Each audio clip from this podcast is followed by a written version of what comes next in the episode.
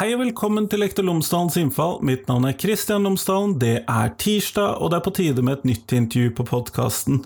I dagens episode så snakker jeg med Aurora Berg ved Oslo OsloMet. Dette blir jo da det andre intervjuet på rad med noen fra NOVA og Oslo OsloMet, men det synes jeg egentlig bare er gøy og fortjent fortjent. Jeg snakker med Aurora om det som hun fant i masteroppgaven sin, og som hun skrev en artikkel om i en fagfellevurdert antologi. Hun har eh, skrevet om eh, klassedelt rådgivning, og det er rett og slett det som vi skal snakke om.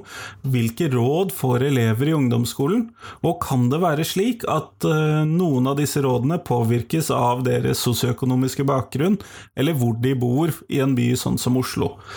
Oslo er jo en hel liten verden i seg selv, kan det av og til føles som. Men det får du i hvert fall her etterpå. Ellers så er jo selvfølgelig podkasten Lektor Lomsdalens innfall sponset av Cappelen Dam Utdanning. Og hvis du går inn på tverrfaglig.cdu.no, så finner du alle de oppleggene som Cappelen Dam har laget i forbindelse med fagfornyelsen i videregående skole. Dette er til alle de tverrfaglige temaene. Eh, du finner oppgaver, opplegg, Ressurser av forskjellige slag, alt sammen, det finner du der, og jeg satser på at du har tilgang fra arbeidsgiveren din, men hvis ikke, så kan du prøve det ut. Men her får du intervju med Aurora, vær så god.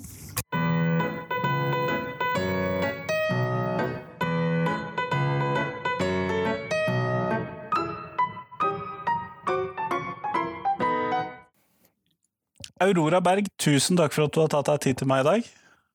Jo, tusen takk for invitasjonen, det var veldig hyggelig. Før vi starter selve intervjuet, så hadde jeg håpet at du kunne fortelle lytterne mine tre ting om deg selv, sånn at de kan få bli litt bedre kjent med deg. Yes. Uh, ja, jeg kan jo begynne med å si at uh, min utdanningsbakgrunn er at jeg um, har tatt uh, sosiologi, master i sosiologi på Universitetet i Oslo. Blant annet. Litt sånn annet småtteri på siden, men det er vel det som er relevant for denne praten her.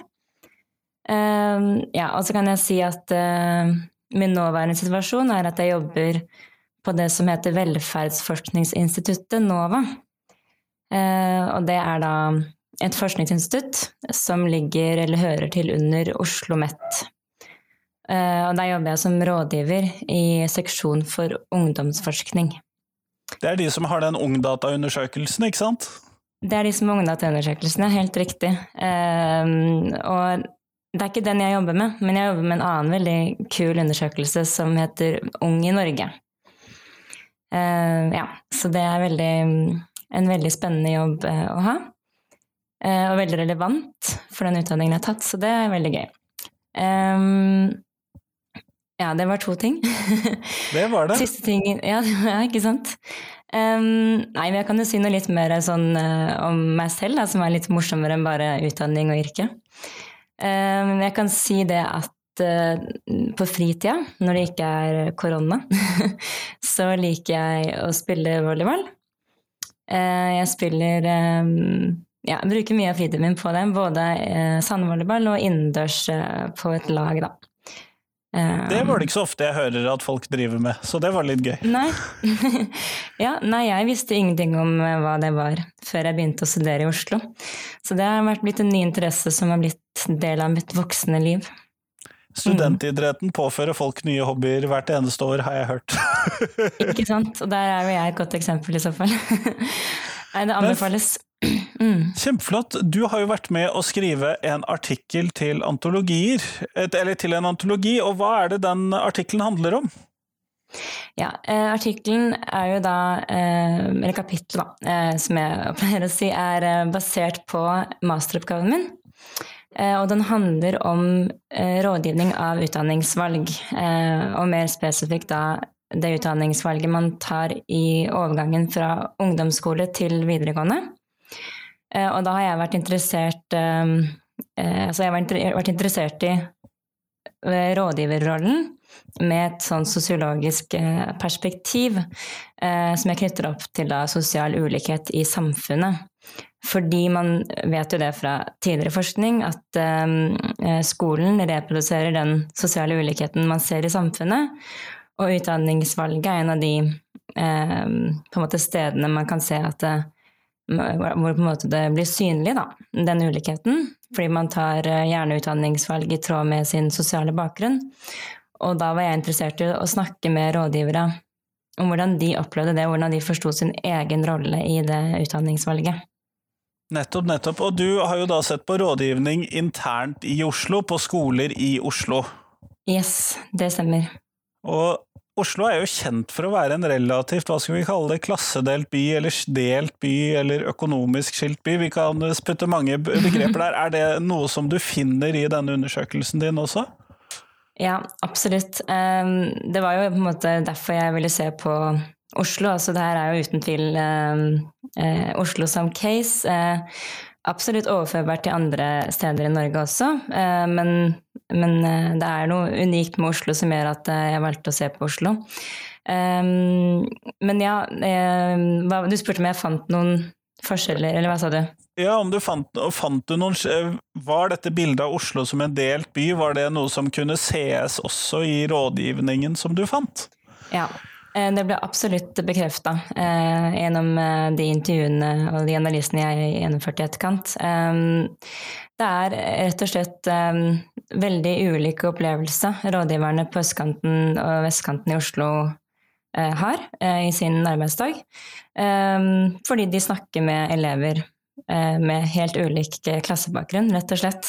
Sånn at da kan du også si at utfordringene de har, og tematikken i disse veiledningssamtalene med elevene, er veldig forskjellig fra den ene siden av byen til den andre siden av byen. Har du noen eksempler på det, som eh, er det som eh, på disse forskjellene?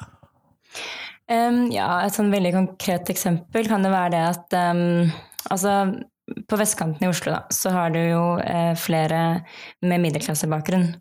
Eh, og der er det mye vanligere at dette med å skulle gå inn i eh, et studieforberedende utdanningsløp, det er på en måte en selvfølge, nærmest, sånn som rådgiverne opplever det, for denne elevgruppen og for elevgruppens foreldre. Sånn at um, utgangspunktet uh, i de samtalene er gjerne at eh, de, har for, de, har ikke behov for, å snakke om eh, hvilke alternativer de har på videregående skole, men heller liksom hvilken skole de skal gå på, kanskje, og hva de skal gjøre videre. Fordi den samtalen om hvorvidt man skal velge yrkesforberedende eller yrkesfag, da, eller om man skal velge studieforberedende løp, det trenger de ikke å snakke om. Det har de for det første snakket om hjemme. Og så virker det som på meg i mange tilfeller som at det egentlig aldri er et valg som har blitt tatt, fordi det bare det er en default som ligger der? Det er en default som ligger der, ja. Mens da på østkanten, eh, med, med de rådgiverne jeg snakket med der, da, så var det jo oftere sånn at um, en rådgivningstime, eller altså en veiledningstime med en elev, startet på et helt annet punkt. Da. Man, man snakket kanskje om forskjellen på um, å velge yrkesfag eller studieforberedende løp, og hva de ulike innebar, og hvilke muligheter man hadde.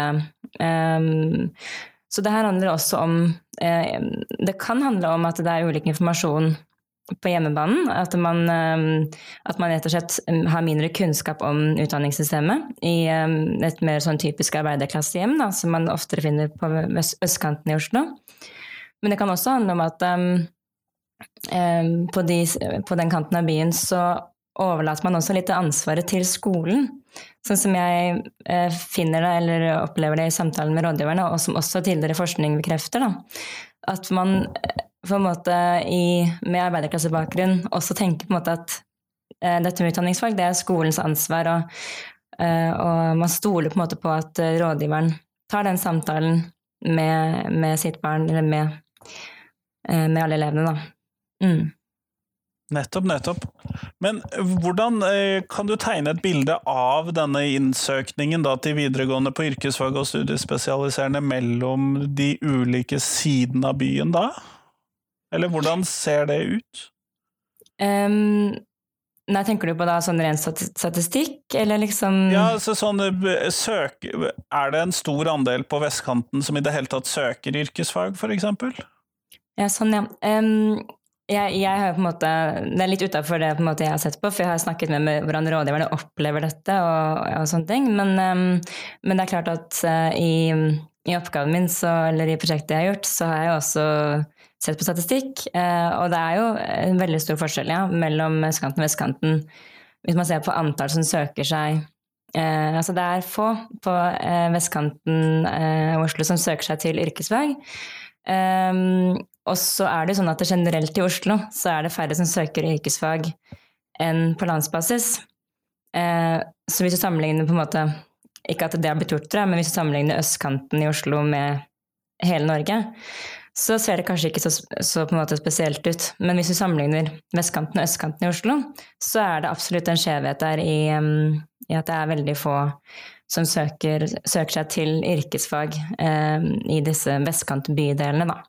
Jeg har ikke noen tall akkurat nå som jeg kommer på i hodet, men det jeg kan si er at på landsbasis så er det faktisk sånn ca. 50-50. Altså 50% som søker seg til yrkesfag, og 50% som søker seg til studieforberedende.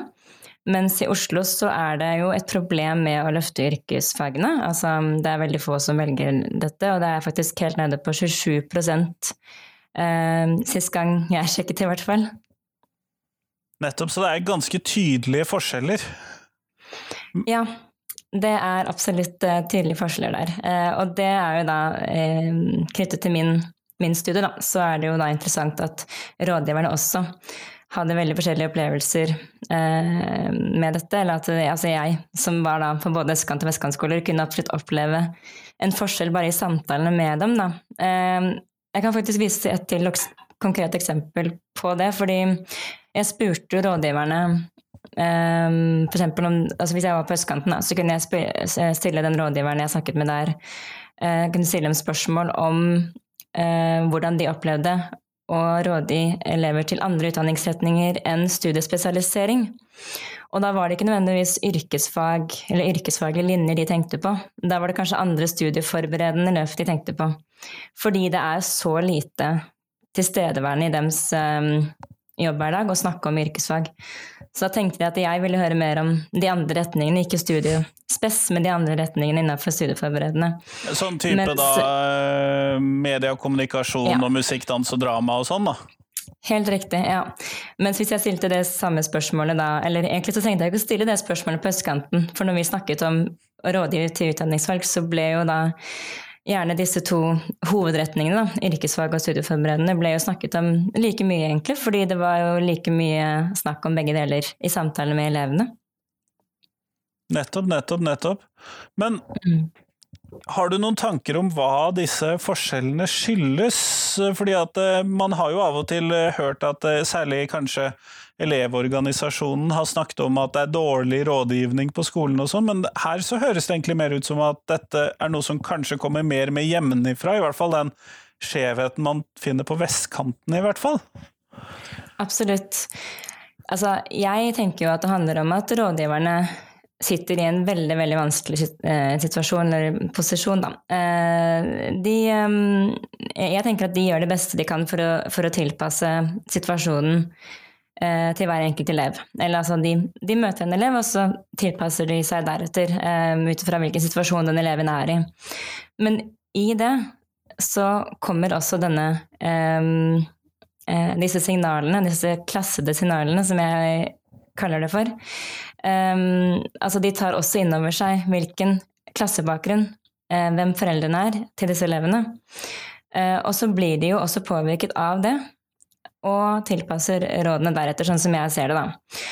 Og denne på en måte kulturelle sensitiviteten, altså være sensitiv overfor kulturelle bakgrunnen til eleven de snakker med, den er veldig viktig. Den, den, kan man for det første ikke gjøre noe med, tror jeg. Man, man, man tar jo til seg noen Man oppfatter jo ting som man ikke kan gjøre noe med.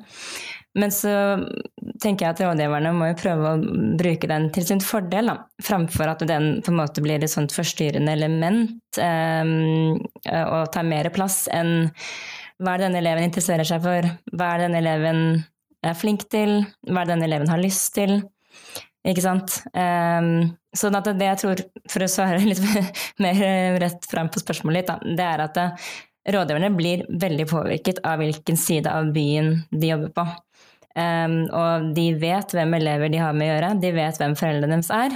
Og, og, da er det ikke til å unngå at det blir mer snakk om, um, om studiespesialisering hvis du vet at du snakker med en elev der foreldrene er advokat, lege. Ja. Mm. Nettopp. Men kan vi da tenke oss at elever på vestkanten får for lite informasjon om uh, yrkesfag, og elevene på østkanten får for lite informasjon om studiespesialiserende? Ja, det er jo det jeg er litt redd for, da. Uh, uten at jeg tør liksom å si at sånn er det. Men um, jeg tenker jo det at um, fordi For å begynne med vestkanten, da. Fordi rådgiverne der møter elevene på et helt annet stadie i den utdanningsvalgprosessen, så tror jeg det snakkes mindre om yrkesfag. Jeg tror på en måte de er flinke til å på disse informasjonsmøtene som de gjerne har, der liksom hele klasser er samlet, og kanskje foreldrene også, så, så tror jeg jo at de selvfølgelig er nøye, med, nøye, på å snakke om alle mulighetene. De er jo tross alt eh, bevisst yrkesfagløftet i Oslo.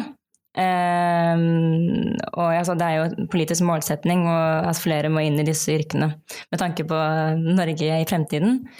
Um, mens når det kommer til den, den, samtalen hvor du sitter alene med en elev som, som sitter og sier det at uh, jeg vet hva jeg vil, jeg vil inn på studiespiss fordi jeg har denne og denne planen fremover, så er det nok vanskelig for en rådgiver, og det tror jeg ville vært vanskelig Altså, jeg hadde ikke gjort noe bedre selv, for å si det sånn. da. Jeg tror det er vanskelig liksom å begynne å si ja, men har du tenkt på yrkesfagene? Kanskje man, kanskje man nevner det, og så, og så, blir det fort sagt at nei, men eh, jeg har snakket masse med mamma og pappa hjemme, og jeg vet, jeg vet hva jeg vil. Mens på østkanten, da, um, så tror jeg man er flink til å snakke om, om begge deler. Um, men hvis man snakker med en elev som virkelig ikke aner hva den vil, så, så, bruker man jo sikkert mye mer tid på å snakke om, um, om, yrkesfag fordi det også vil være interessant for en elev som ikke vet hva den vil. Da. Ja, fordi at når, da, mm. når, disse rådgiverne da kommer inn på vestkantskolene og sitter med elevene, så har de kanskje i større grad i hvert fall en idé om hvor de vil med denne eh, videregående opplevelsen, da. Fordi at dette har de gjort ferdig hjemme. Ja, det er nettopp det rådgiverne på vestkantsskolene sier, at de fleste elevene eh, har hatt denne samtalen eh, hjemme, gjerne flere ganger. Um, og det her handler jo om, da, det blir veldig sosiologisk, men dette handler jo om um, kultur. Ikke sant? At i middelklassehjem eh, så er det kultur for å snakke om sånne her ting. Man skal, altså Gjennom kommunikasjon i hjemmet så, så skal man liksom lære seg å argumentere for valg man tar. Um, og man skal kunne argumentere godt for disse valgene. Og um, ja, man skal ha en bevissthet rundt ting, og man skal også liksom man, man, blir måte, vant til å snakke med autoriteter gjerne da, i større grad.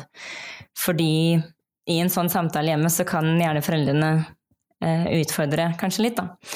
Mens, eh, mens eh, sånn at en elev på vestkantskole vil oftere, sånn som jeg ser det, være kanskje forberedt på å forsvare det valget om å velge studiespesialiserende overfor rådgiveren, da.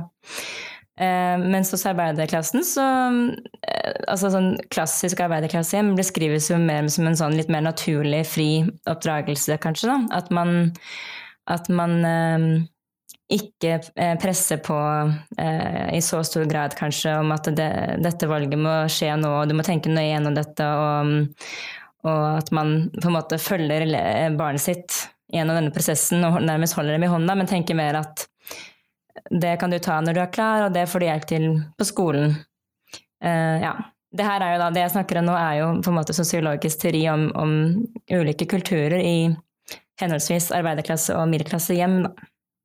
Nettopp, nettopp. Sånn at foreldrene da i middelklassen som oftere har akademisk jobb, i hvert fall eh, mm. akademisk utdannelse, og som i hvert fall én av foreldrene, mm. i motsetning til da familier hvor det er mindre grad høyere utdanning, er det det som da blir kanskje viktig skillelinje i dette? Ja, absolutt. Det, du, ja, det, handler jo også om en erfaring og en kjennskap til utdanningssystemet. Har du vært gjennom utdanningssystemet selv og gjerne tatt høy utdanning, da, ehm, så er det jo et helt annet grunnlag for å kunne snakke med barnet ditt om det hjemme. Ehm, ja, ja, nei, mine barn, er, mine, barn som er, oppvokst på forelesningssaler, de er jo åpenbart hatt denne samtalen noen ganger, så jeg, jeg, jeg føler jo at uh, Hvor du er da i dette. ja. Det, jo, det handler jo på en måte om um, på en måte felles um, At man har noen sånne felles um, trekk, på en måte. Med, ja. altså hvis, man, hvis du kan si litt mer dette med, med kulturelle forskjeller, da, så må man også huske på det at skolen i seg selv har jo eh, en kultur som ligner i stor grad på. Eh, og det betyr altså at eh, ansatte i skolen, eller hele skolesystemet, på en måte, vil også på en måte favoritisere elever eh, som har samme type eh, Som kommer fra hjem der man gjør ting på samme måte som på, sko som på skolen. Um, og at måte, disse elevene også vil føle seg mer hjemme i hvordan man jobber, tenker, gjør ting på skolen. Det vil på en måte ligne Det vil være ting man kjenner til, da. Eh, sånn at det er nok oftere sånn at eh, elever eh, med en annen klassebakgrunn eh, føler seg mer sånn fremmed da, i skolen og, og Uh, ja, og man kan, man kan, også anta at de i større grad blir en del av frafallsstatistikken, feilvalgsstatistikken, Sånne ting. Så det er jo, dette temaet her knyttes, kan knyttes til mange viktige ting, da, tenker jeg. Nettopp, nettopp. Men eh, ut ifra de skolene som du har sett på, så er det jo også en hva skal vi kalle en ulik eh, etnisk miks på de ulike skolene på de ulike sidene av byen. Er det noe som mater inn i dette, eller er det mindre viktig enn den der økonomiske klassebakgrunnen, sånn som du forstår resultatene av det du fant? Ja, f.eks. sånn som du tenker på da, minoritetselever og elever med innvandrerbakgrunn, eller innvandrerforeldre. For eksempel, ja. Ja. ja. det er jo også veldig interessant, og, og som jeg jo ser mye på. Um, det på en måte jeg finner det, det, er på en måte, Du har litt sånn to sider her, da. Du har eh, ganske mange minoritetselever der foreldrene er veldig opptatt av at eh, de skal ta utdanning. Um, og det handler jo om at hvis man skal klare seg Man har kommet til et nytt samfunn, og, og man skal klare seg, så, så, tenker man jo at utdanning vil være et middel for å nå det målet, da. Um, sånn at eh, i møte med, med, de foreldrene og de elevene, så forteller rådgiverne meg at, at det til tider kan være utfordrende. Eh, fordi disse foreldrene ofte kan ha høye forventninger da, til, eh, til eh, Eller så høye ambisjoner på vegne av sine barn. Um, og det kan jo også da falle parallelt med dårlige karakterer som kan skyldes at man f.eks. ikke snakker norsk når man starter, starter, å gå på norsk skole. Det er et veldig dårlig utgangspunkt. Ja, det kan være en um, utfordring, kan jeg eh, se for meg. ja, ikke sant. Eh, sånn at det er jo absolutt en, en stor utfordring. Um, eh, og sånn som jeg ser det da, så Sånn som rådgiverne beskriver, da, så bruker de da ofte um, den yrkesfaglige retningen som Altså, de anbefaler gjerne dette, da. Kanskje fordi at uh, eleven de sitter med, uh, har dårlige uh, karakterer, da, altså er, faglig svake. og da kan de på en måte bruke yrkesfag som et sånn springbrett. Altså de forteller foreldrene og elevene at dette, dette kan bli springbrett videre inn i høyere utdanning. og det her tar oss egentlig over på et litt annet tema, jeg vet ikke om vi skal snakke om det etter hvert, men den måten å snakke om yrkesfag på, da, som en måte å komme seg til høyere utdanning, det gjør jo også på en måte at yrkesfag eh, blir sett på ikke som noe som er på en måte bra eh, i seg selv, men noe du kan bruke for å nå eh, dette, denne normen om å ta høyere utdanning. Ehm, så det også er jo den måten å, å bruke yrkesfag, yrkesfag, på, som jeg så eksempler på, det tenker jeg egentlig er litt problematisk, da. Ja, hvorfor eh, tenker du det? Nei, jeg tenker jo det fordi eh, et hovedproblem er da med at, eh, spesielt i Oslo, at alle skal ta høyere utdanning, og at yrkesfag eh, blir nærmest sett på som noe lavstatus. Eh, altså ved å snakke om yrkesfag eh, som noe dårligere da, enn studieforberedende, og ved å si at du kan innom yrkesfag for å komme deg over til studieforberedende, da vil man jo aldri på en måte opp, komme til punkt der disse to kompetansene da, eh, som man kan få innenfor de to retningene, kan likestilles. Eh, yrkesfag blir alltid liksom en plan B, eller noe man kan bruke ja, en litt morsommere måte å komme seg til universitetet på? For eksempel, ja. Det, det, er en fin måte å si det på. Um, nei, men, og det er jo problematisk, fordi da vil jo på en måte aldri yrkesfag være noe man tenker at man kan velge, fordi man er skoleflink, man er kjempeglad i skole, og man er veldig flink på Man har en veldig god ferdighet innenfor en av yrkesfagene. Fordi yrkesfag vil bare bli assosiert med noe som er for de som ikke De som gjør det som en plan det, da. Ikke fordi de vil, men fordi de kan bruke det for å komme seg dit de vil. Uh, ja, så denne på en måte um, likestillingen av de to utdanningsretningene, det er jo et kjempestort problem, sånn som jeg ser det. Uh, og ikke noe som kan løses bare ved at rådgiverne snakker varmt om yrkesfag. Dessverre. Nettopp, nettopp. Men det høres ut som det er litt vanskelig å løse dette, da. For som du sier, skolen er jo relativt hva skal vi kalle middelklassepreget. Og det er ingen tvil om at lærerne tilhører hva skal vi kalle et middelklassesjikt eller et akademisk sjikt i samfunnet. Så det høres jo ikke ut mm. som dette er så lett å gjøre noe med. Nei. Det tror jeg jo heller ikke på en måte at det er, på lik linje som alt annet som har med sosial ulikhet å gjøre i samfunnet. Um, men jeg tenker jo at man kan gjøre mange strukturelle endringer um, i hvordan det norske utdanningssystemet er bygd opp. Uh, hvor man uh, på en måte slutter å snakke om høy utdanning og lav utdanning, og, og um, på en måte setter alltid yrkesfag og, og studieforberedende opp mot hverandre som liksom to motsetninger. Som jeg jo på en måte ser da, at ofte Altså jeg kaller det for dikomatisering.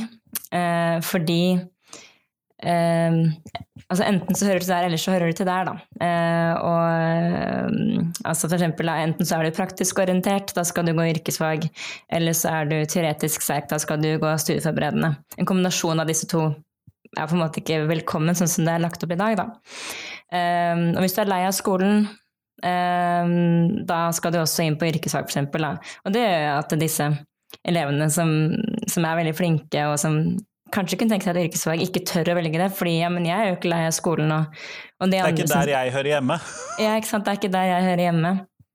Um, nei, men hva var det hva jeg tenkte på nå? Jo, dette med uh, at man hele tiden måte, setter disse to retningene opp mot hverandre som motsetninger. Det er jo et, et problem, og det handler jo om strukturelle endringer, da, tenker jeg. Eller man kan gjøre noe med det i, i hvordan liksom hele utdanningssystemet er lagt opp. Um, veldig sånn rart men, eh, eksempel altså med, eller sånn, på det her er jo Jeg gikk inn på den her Er det villbli.no det heter? Villbli.no, ja. Yes. Eh, veldig, veldig fin uh, og informativ side. Men um, hvis man ser på, på en måte hvordan videregående uh, opplæring-løpet er lagt opp der, da, så er det liksom Du har um, for det første så har du da selvfølgelig eh, de studieforberedende utdanningene på øverste linje, og så har du de yrkesfaglige linjene på, på nederste linje. Og så er det mange sånne piler opp fra yrkesfag til, til de studieforberedende retningene. Um, sånn du kan komme deg, du kan gå fra første år i, på yrkesfag, kan du komme deg opp til, eh, til studieforberedende. Du kan gå fra andre år i yrkesfag opp til studieforberedende. Bare der så har du en modell som, som vitner om at det naturlige er å komme seg opp til studieforberedende. Uh, og ikke andre veien, f.eks. Selv om jo det går jo an i praksis, men, men, det er på en måte ikke, det snakkes ikke så mye om er folk som, folk som tar den veien. Um, ja, så det, kort sagt da, så handler det om at man må prøve å å snakke om disse to utdanningsretningene som likeverdige. Man må likestille de kompetansene man får, uh, uavhengig av hvilken utdanning man velger å ta i Norge. Uh, ja. Men det er jo ikke lett. Det Men når du snakker om den vil bli-siden, så må jeg innrømme at av og til så syns jeg den yrkesfaglige med alle, for der er det jo ganske mange sånne ledd inni, og du skal velge forskjellige ting hvert år og sånn. Mm. Hvis ikke jeg var så akademisk innrettet og skolekjent som jeg er, så ville jeg synes den var skikkelig skummel. Ja, og det er jo eh, morsomt at du tar opp, fordi det er jo faktisk det noe mange av rådgiverne snakker om. At eh, de, eh, de, sier jo det om disse elevene som velger riksfag, at de er tøffe, eh, de er modne. De tar jo faktisk et utdanningsvalg. Eh, fordi ja, de velger jo på en måte et yrke, da, i mye større grad. Um, de går for noe? ja, de går for noe, rett og slett. Og de um, uh, ja, de står overfor, overfor, som du sier, flere valg også ganske tidlig i løpet av videregående, så skal de ta flere andre valg. Um, men også denne måten å snakke om den gruppen på, da, eh, som jeg problematiserer litt i oppgaven min, og kalle dem for liksom modne, tøffe, eh, det på en måte bare styrker jo det, eh, at, det faktum at man snakker om yrkesfag som det uvanlige. Det som ikke er vanlig å velge. Nå snakker jeg om Oslo, da. Mens det andre er det mer vanlig å gjøre. Så jeg vet ikke om det heller hjelper seg veldig å si på en måte at Oi, de er tøffe som tør, ikke sant? For da sier man jo at man gjør det som ikke er vanlig, og det er det som på en måte er problemet da, i Oslo i hvert fall, at det, det har blitt liksom det uvanlige valget å velge yrkesfag. Nettopp, nettopp. Kjempeflott. Du, vi går mot slutten av podkastintervjuet, og da skal jeg stille deg det spørsmålet som jeg stiller alle jeg intervjuer, og det er hva er de tre viktigste tingene skolen lærer elevene? Ja. Jeg var jo heldig og fikk, fikk disse spørsmålene i forkant, så jeg har tenkt litt, da. Um, disse tre tingene ja, som skolen lærer elevene. Um, det er jo uh, Jeg må jo starte med å si uh, selvstendighet. Uh, det er jo på en måte det man snakker om altså Rådgiverne sa det jo til meg inn og ut i alle de intervjuene jeg hadde, da, at det er jo det selvstendige valget man jobber for. Ikke sant? Um, og så er jo da spørsmålet hvem er det som egentlig tar de selvstendige valgene? Er det de som har snakket med foreldrene sine hjemme, eller er det de som får mest hjelp hos rådgiveren? Um, det man må ønske, er jo at elevene faktisk klarer å ta selvstendig utdanningsvalg, altså at de klarer å stå i valget sitt selv. Og denne selvstendigheten, den tenker jeg at man kan legge enda mer fokus på i skolen. Eller det tenker jeg noe som skolen eh, må lære elevene at det er veldig viktig. Ikke bare utdan til utdanningsvalgsituasjonen, men til alle mulige andre situasjoner man står overfor resten av livet. For jeg tror man på en måte vil ha det bedre med seg selv hvis man føler seg selvstendig. Man føler seg ja, trygg på seg selv og, og, og, vet hvordan man kan reflektere overfor ulike valg og kjenne seg selv i de, i de valgene. Ja, så det er det første jeg vil si. Um, og så um, må jeg si at det, når jeg begynte å studere sosiologi uh, på Universitetet i Oslo, så tenkte jeg jo ganske tidlig at det her er ting jeg skulle ønske jeg visste mer om på tidligere tidspunkt. Så nå skal jeg rett og slett uh, si at jeg, at jeg, tenker at skolen eh, må eh, trekke inn litt mer dette med hvordan henger samfunnet sammen? Ikke sant? Hvordan henger alt sammen? Fordi det er jo bare på den måten man kan, man kan forstå f.eks. For hvorfor alle kompetanser er viktig. Uavhengig om det er en høy utdanning, akademisk utdanning, eller om det er et, at man har gått på fagskole. Um, hvis man forstår liksom litt mer av hvorfor, um, ja, hvorfor det finnes så mange ulike yrker og utdanninger, og, og hvordan alt fungerer som det gjør bare fordi uh, vi har dette mangfoldet av kompetanser. Da. Det tror jeg er veldig viktig. Så rett og slett litt sosiologi inn i skolen. Det tror jeg er viktig at, uh, at elevene lærer. Uh, og dette kan jo også knyttes opp igjen til dette selvstendige valget. Du kan forstå mer hva du vil hvis du forstår hva samfunnet trenger, og, og hvordan du kan finne din plass da, i det puslespillet. Uh, og det siste jeg har tenkt på Det overraska meg, meg litt selv at jeg um, endte opp med å ta det som siste ting. Men det er at jeg syns at skolen også skal på en måte vise elevene hvordan man kan ha det gøy, da. For det er så utrolig mye alvor hele livet. Eh, og nå er ikke jeg jeg har ikke fylt 30 engang, men allikevel sitter jeg med det inntrykket da, at liksom, det er jo alvorlig fra liksom første skoledag, nesten fra barnehagen til og med. Man skal jo helst kunne alfabetet før man kommer inn i skolen. Og altså, jeg tror rett og slett man, man må bare liksom lære seg å ha det litt gøy også. Um, og ja, skolen burde også være liksom en, et pusterom. Det er jo mange elever som kanskje ikke har det så bra ellers. Og da må jo skolen også kunne være et sted hvor man kan lære seg hva er det som gjør at man blir glad, hva er det som gjør at man begynner å le, hva er det man liker. Eh, hvis man kan velge aktivitet, da. Hva er det man velger da? Og det igjen kan knyttes opp til utdanningsvalg, fordi ved å liksom ja, lære å ha det gøy, så tror jeg også man kan uh, vite hva man hadde syntes vært gøy å gjøre i fremtiden, når det blir mer alvorlig og man skal velge yrke og utdanning. Kjempeflott. Tusen takk for at du tok deg tid til meg i dag, Aurora. Jo, takk. Takk skal du ha.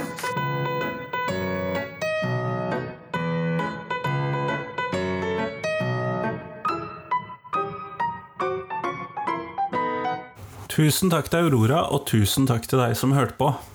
Nå er det jo fram til fredag, så kommer det en ny episode på podkasten, og det gleder jeg meg selvfølgelig som alltid til.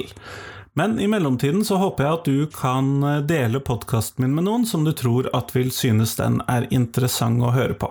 Enten du deler en spilleliste fra Soundcloud, for der har jeg tematiske spillelister, eller du deler hele podkasten, eller du deler en episode som har et tema som du tenker at dette må vedkommende høre på. Enten vedkommende er forelder, elev eller lærer eller skoleleder, eller hva nå rolle vedkommende har, kanskje bare nerdete på skolesaker.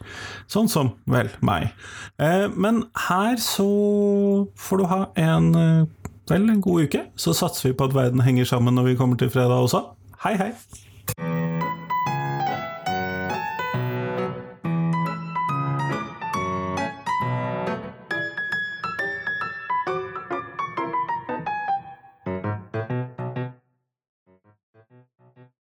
Husk at eh, jeg trenger tips om hvem som jeg kan ha med på podkasten. Det hjelper utrolig mye.